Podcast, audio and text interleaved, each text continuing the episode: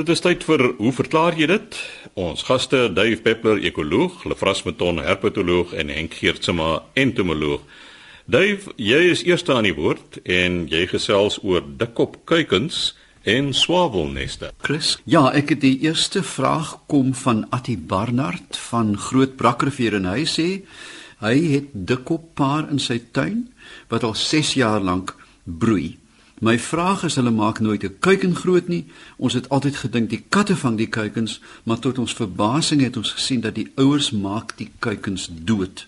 Is daar enigsins 'n verklaring vir hierdie gedrag? Atti, jy slaan my dronk met hierdie um, brief van jou. Ek het dit nog nooit gesien nie. Maar kom ons begin net gou by die begin. Kyk, daar's twee moontlikhede. Jy kan of die gewone dikkop hê wat so klink.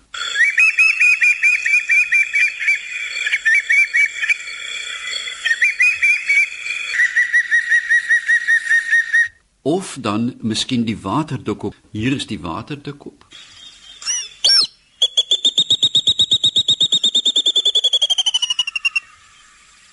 Ek dink jy die gewone uitgawe van die tuindukop. Hulle kom oral voor, van Kapagullas tot aan die trope. Jy kry hulle eenvoudig reg oor Afrika, selfs in die woestyn en bitterdroë gebiede.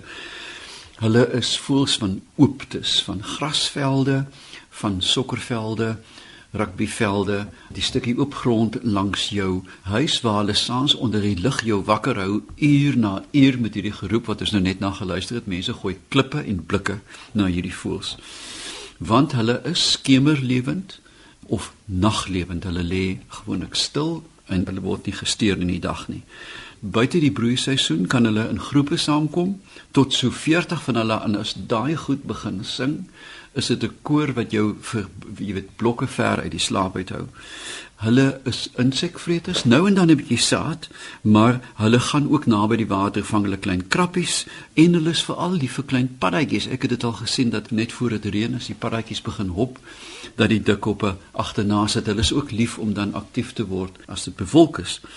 Hulle het besonder eenvoudige neste. Dit is 'n klein krapseltjie in die grond, maar dan fooi tog probeer hulle dit op 'n baie amateuragtige manier versier met stukkies glas, eierdoppies. Ek het al gesien dat hulle klein vlokkies verf daar rondpak en as dit in die veld kom, gebruik hulle bokmis. Daar lê 'n paar drolletjies om die nes. Die hemel weet hoe kom hulle dit nou gebruik. En dan lê hulle 2 tot 3 eiers wat pragtig kamoufleer is. Jy sal die eier flenterstrap want die kamouflering is absoluut perfek. Wat hulle ook interessant maak is dat daai kuiken binne 'n uur na hy uitgebroei het soos die blits kan hardloop. Hulle verlaat die nes gaan nooit weer terug nie en binne die eerste dag begin daai kuiken natuurlik teen 'n blou spoed hardloop. Hulle is die kuikens is ook baie kripties. As jy naby hom kom gaan lê hy met sy koppie plat na vore en baie mense trap op die kuikens want jy sien hom eenvoudig nie want hy staan nie op as jy naby hom kom nie. Wat die ouers dan wel doen is om die baie beroemde gebreekte vlerk sindroom, hulle gaan 'n meter of 15 weg van die kuiken en lê dan op hulle suim en maak asof die vlerk of die been gebreek is. En so trek hulle die aandag dan van die kuiken weg gewoonlik honde mense wat met honde stap. Of selfs mense wat stap dink voetig die arme voel en stap dan weg van waar die kuiken lê hulle kan in goeie jare kan hulle heelde aantal broeisels eiers lê nie net een nie maar selfs tot 5 per jaar. En dan die vorige kuiken gewoonlik na die kleintjie nuwe spul uitbroei. So 10 dae daarna word hulle dan weggedwing van die ouers en mag nie meer saamstap nie wat in stedelike gebiede gebeur is uiteraard dat hulle kan soms nie teen 'n randsteen opkom nie. Mens sien by parkeerplekke dat die ouer roep dieselfde gebeur met kiwite en daar staan die kuiken en hop teen die randsteen om by sy ma of pa uit te kom en dis natuurlik net daar waar die hond of die kat hom knyp. Om dan terug te kom na die ouers wat doodmaak verstom my. Ek weet nie hoe die erf lyk nie. Is dit om muur? Is daar vrye toegang na die omgewing want 'n mens sou kan dink dat indien die kuikens nog nie kan uitvlieg nie dat die ouers so gespanne word dat hulle hulle wil probeer aanpor om te vlieg of beweeg en dit lyk asof hulle dan die kuikens doodmaak maar of hulle hulle fisies pik tot hulle dood is het ek nog nooit van gehoor nie dit klink vir my na 'n omgewingsspanningseffek Ek dink nie dit is 'n gewone gedragspatroon nie. Die Engels het 'n baie mooi naam, hulle noem dit displacement, 'n verplasingsgedrag. Dat daar soveel spanning op die kuiken is as gevolg van lewensruimtebeperking of dalk 'n kat of 'n dier of 'n grasnyer dat hulle 'n sekondêre gedrag dalk op die kuiken uithaal. Ek sal graag indien hulle dit kan afneem, baie graag daarvan wil hoor. 'n Tweede brief kom van Henriette Venter wat sê dat sy baie gelukkig is om swaalkies te hê met 'n nessie in 'n beskutte hoekie by my voordeur. Verlede seisoen het ek agtergekom daar word gewerk en hulle het begin met 'n vlak pierentjie weggegaan vir die winter, teruggekom en op die vorige jaar se fondament toe weer aangebou. Nou wonder ek of die oues die nuwe generasie help om 'n goeie plek uit te soek en dan ook die bou van die nes te hervat dan sê sy dit lyk my asof die witkruiswindswaals kan wees want hulle het twee kleintjies. Nou hier is 'n interessante kriminele gedrag aan die gang en ons sal nou daaroor praat en dan sê sy laastens, Henk, jy sal belangstel hierin. Sy het geen las gehad van muskiete nie en sy wonder dit nou of die swaalkies is, maar ek kan daaroor kan jy dalk meer sê as ek. Kom ons begin dan by die swaalkies. Nou die nesbouers wat sy van praat is gewoonlik die volgende spesies en dit is die groot streep swaal, nie 'n windswaal nie.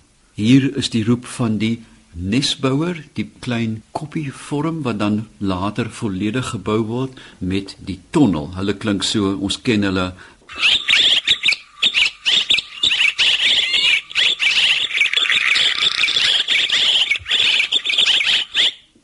Ons weet dat hulle migrante is intra-Afrikaans, met ander woorde, hulle trek hier na die trope toe, nie heelpad Europa toe nie soos baie van die ander swaals nie, en dat hulle baie hoë nesgetrouheid het, dat paartjies wat bering is sal na vir jare aan een, ek dink Henk, jy het van hulle op jou stoep jy het al gepraat daaroor dat hulle as jy hulle sou bring dat hulle vir 12, 15 jaar kom die paartjie terug as een sou vrek word hy of sy vervang en dan word hierdie paar getrouheid aan die nesplek weer behou deur die nuwe een by te bring. Ek dink dit het absoluut niks met die kleintjies te doen nie want hulle soek onafhanklik na beskutte plekke en jy sal weet dis die hoek van jou stoep. Dit kan jy sommer voorspel by 'n voorportaal teen 'n lig waar daar vatplek is vir die modder. Hulle maak dan balletjies of hulle tel balletjies modder op, meng dit met speeksel en plak in hierdie wonderbaarlike vorm dan 'n unieke boustyl want tussen spesies wêreldwyd verskil die boustyl van die neste. Sommige se tonnels is langer ensovoorts waar hulle dan gewoonlik in die orde van 3 tot 4 eiers lê. Slegs die wyfie inkubeer, maar die mannetjie slaap by haar terwyl sy inkubeer. Die twee slaap die hele seisoen dan binne in die nes en hier natuurlik vir my altyd die merkwaardige 'n mens sien voeltjies by neste jong duwe hulle vras jy sal weet wat teen die rand van die nes sit en hulle vlerke oefen en dan met ter tyd begin vlieg hierdie swaaltjie broei in die diepte van die nes uit en as hy by die tonnel se bek uitkom en hy maak sy vlerke oop is hy onafhanklik en moet hy vlieg. Daar is geen jy kan nie binne in die nes oefen nie. Die eerste keer as jy daai tree uit die nes uit gee moet jy vlieg. Maar hier kom nou die kriminele en dit is natuurlik die windswaals, die witkruis windswaal en hy klink so.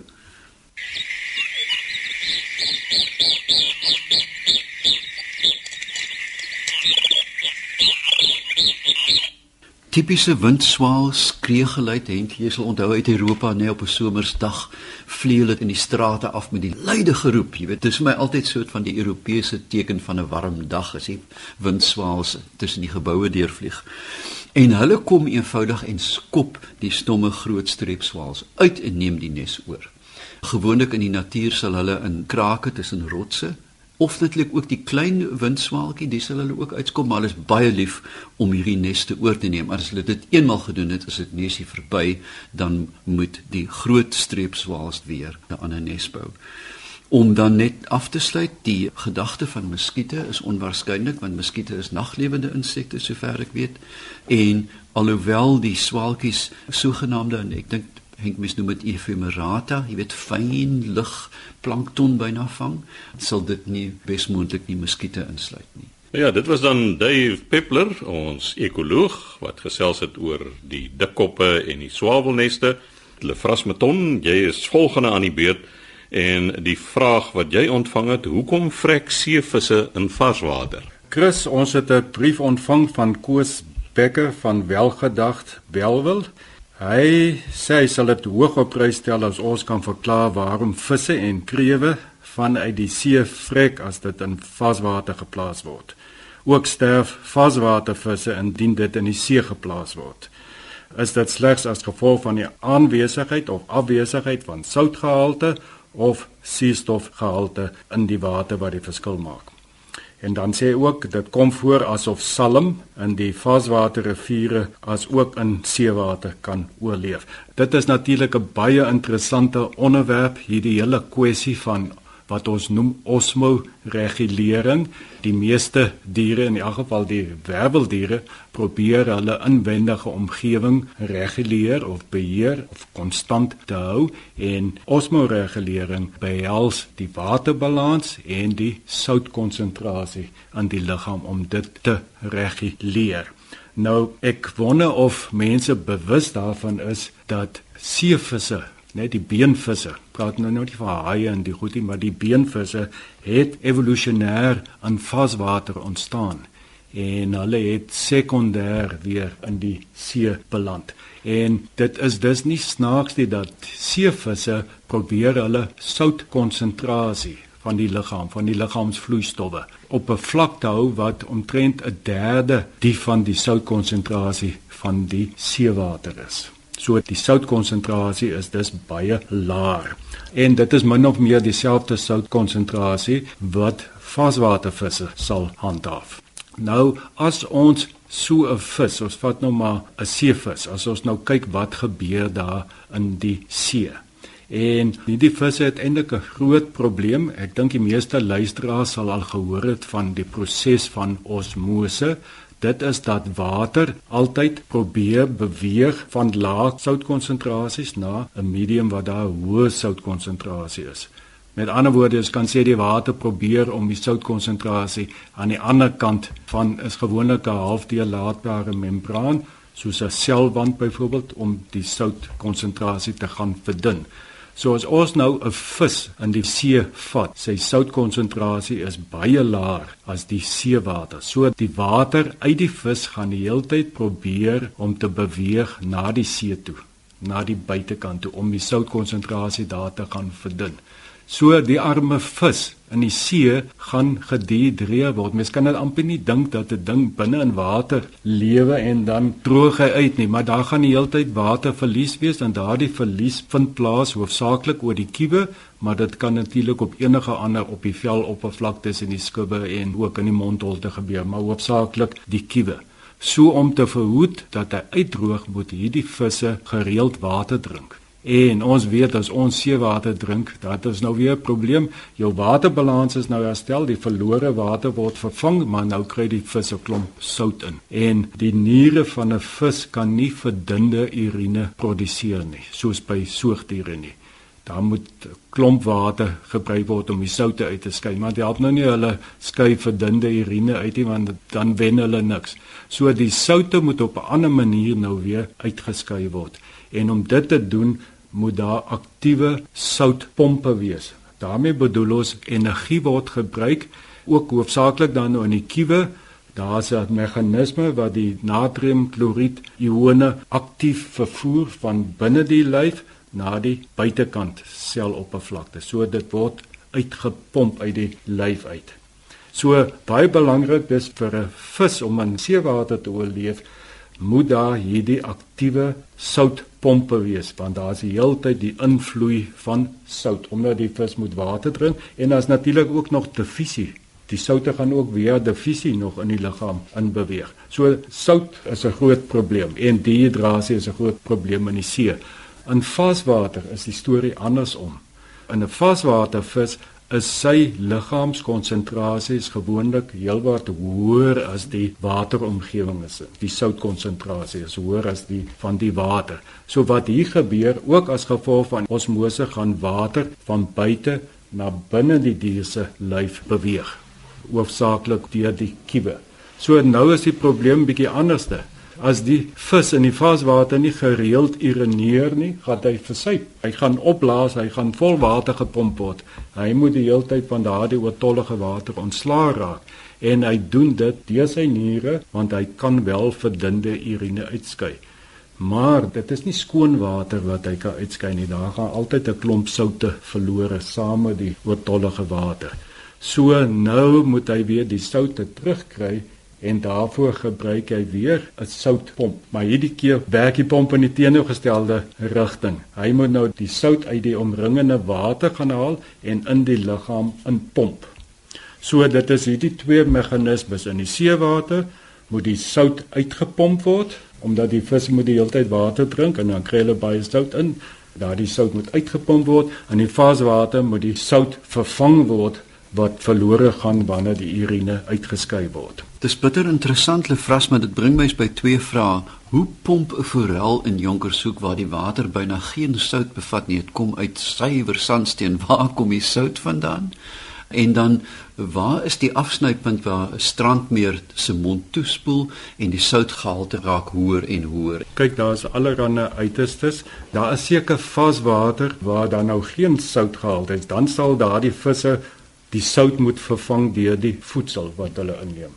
Maar normaal in gewone water is daar maar altyd 'n redelike soutkonsentrasie. Nou kan mens sommer dadelik al sien wat gaan nie gebeur as jy 'n seewatervis in varswater gaan sit en hy het nie daardie regte pomp nie dan gaan hy nie kan oorleef nie. Hy gaan nie die soutte kan vervang nie want sy pomp wat hy het werk in verkeerde rigting. In plaas van inpomp, pomp hy sout uit en dit gaan nie lank wees nie dan vrek die vis. Dieselfde vir vaswatervis wat jy in die see gaan sit. Daar gaan ook soortgelyke probleme ontstaan. Ek wil net noem dit is gewoonlik nie suurstof probleme wat hier so te saak is. Die suurstofgehalte is gewoonlik goed in elk geval in riviere. Dit is maar net in stilstaande vlak mere binnelands waar die suurstofgehalte te laag sal wees waar daar probleme mag wees kom ons praat dan net gou vinnig oor visse wat dan nou wel binne in seewater en varswater kan lewe.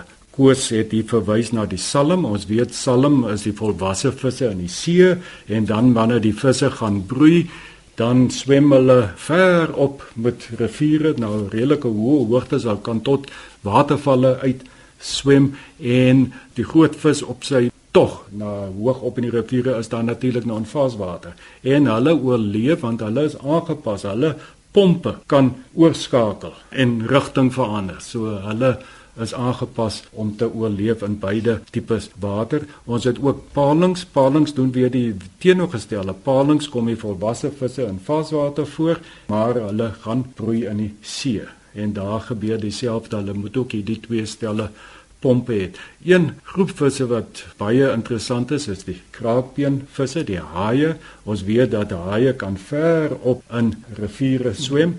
Haie gebruik 'n heel ander meganisme. Hulle stoor urium in hulle weefselvloeistowwe. Nou urium is 'n afvalproduk, 'n stikstofafvalproduk van metabolisme en deur urium te stoor kan hulle hulle osmolariteit die soutgehalte van die weefsels kunsmatig verhoog en dan het hulle nie daardie probleme van water wat uit die liggaam uitvloei nie. En wanneer hulle nou in varswater kom dan onttrek hulle net die urium uit die weefsel uit en dan is daardie verlies van water die osmose baie kleiner. Om af te sluit, krewe, ons kry basies dieselfde beginsels by jou ongewerveldes. Osmoreguleringsprobleme is maar dieselfde as water wat moet hanteer word en soutte, maar by die ongewerveldes is daar groot voorkoms van diere wat nie eintlik hulle interne omgewing reguleer nie. Ons praat van osmokonformeerders.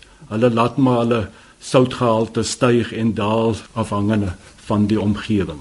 Maar krewe weet ons is osmoreguleerder, so hulle het maar daar dieselfde probleem as jy om 'n varswater sit, dan kan hy nie effektief daardie interne omgewing beheer nie. So dit help glad nie om 'n kreef in soutwater te kook nie want hy het nie tyd om die sout in te pomp nie.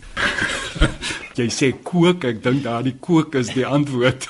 dat is dan tyd vir niks nie. Ja, dit was dan Lefras Meton, herpetoloog, laaste aan die woord Henk Geertsma, ons entomoloog en Henk, jy het 'n vraag ontvang oor turksvye en kosjeniele. Ek hoop ek spreek dit reg uit. Heeltemal reg, Chris. Dis 'n briefie van Bart Silje van Stella en hy sê die cochineal turksvye. Hy wil weet hoe plant dit voort en hoe kan ek dit bestry? Meneer Silje in hierdie geval wil graag die turksvye hê. Terwyl die plaag is eintlik na Suid-Afrika ingevoer in 1937 om turksvye te bestry. So ons is so 'n bietjie 'n konflik hierso. Ons is al baie gewoond aan konflikte deesdae. Vir enk so die turksvye is ook 'n uitheemse ding. Dis hoekom hy bestry moet word. Dis korrek. Nou die cochineal self, die latynse naam is Dactylopius opuntiae.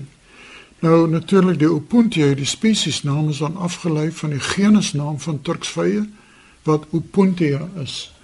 Nou turksvye, opuntia is natuurlik beperk tot Sentraal en Suid-Amerika. Nou in die vroeë jare, ons dink aan Australië, Suid-Afrika is turksvye ingebring as 'n soort van 'n veevoedsel vir al die doringlose variëteite. Maar die turksvye het so goed begin aard in Australië en in Suid-Afrika dat daar moes drastiese stappe geneem word om turksvye uit te roei. Nou die bekendste voorbeeld is natuurlik die van die turksvy mot, Cactoblastus cactorum, wat ingevoer is na Australië en later ook na Suid-Afrika wat dan gehelp het om die turksvye getalle of besoedeling af te bring. Maar natuurlik nou turksvye ook in die laaste tyd sien mense meer en meer in groentewinkels turksvye pragtige turksvye as 'n voedselproduk. En daar seker mense wat dit wil bedryf as 'n industrie.